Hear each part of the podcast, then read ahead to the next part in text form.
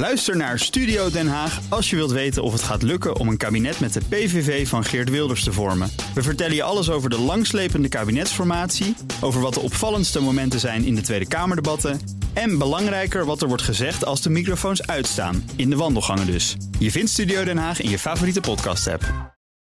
De column van Jaap Jansen.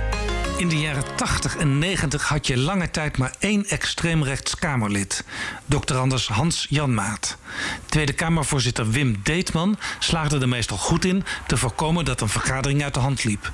Zodra Janmaat naar de microfoon beende, pakte Deetman de voorzittershamer. Klaar om, als het echt moest, af te hameren. Het effect was meestal dat hij zich gedijst hield. Als Jan Maat het spreekgestoelte betrad, was Deetman extra alert. Want de voorzitter was vaak het enige andere nog aanwezige Kamerlid. De overige leden hadden uit protest de zaal verlaten.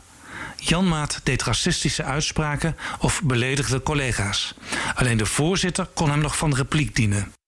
Geert Wilders is niet bang voor de hamer. Het kan hem niks schelen wat de voorzitter doet, zolang zijn strapatsen maar doorkomen bij het publiek.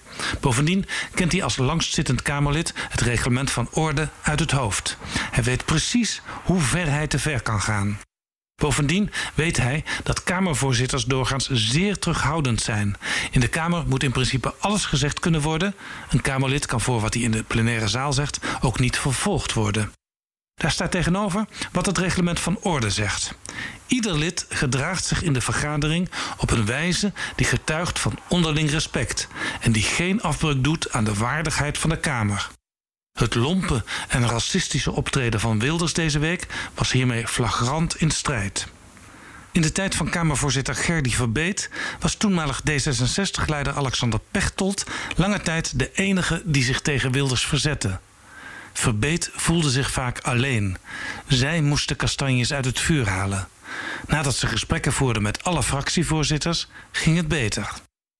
Toen onlangs FVD'ers en PVV'ers zwaar over de schreef gingen door collega-Kamerleden in het vooruitzicht te stellen dat ze ooit voor hun daden voor een tribunaal zouden moeten verschijnen, kondigde ook voorzitter Vera Bergkamp gesprekken aan met alle fractieleiders.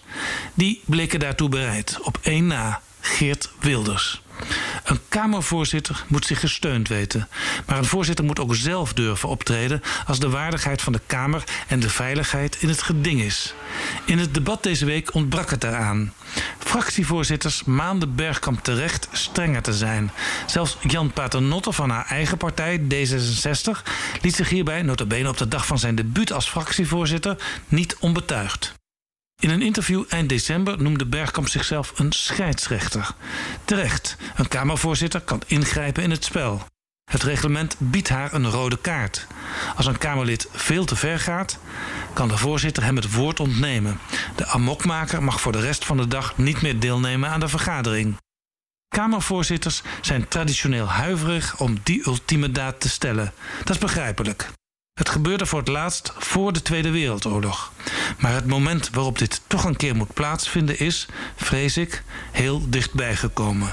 En een voorzitter die dit wel overwogen doet, schept helderheid en dwingt daarmee respect af.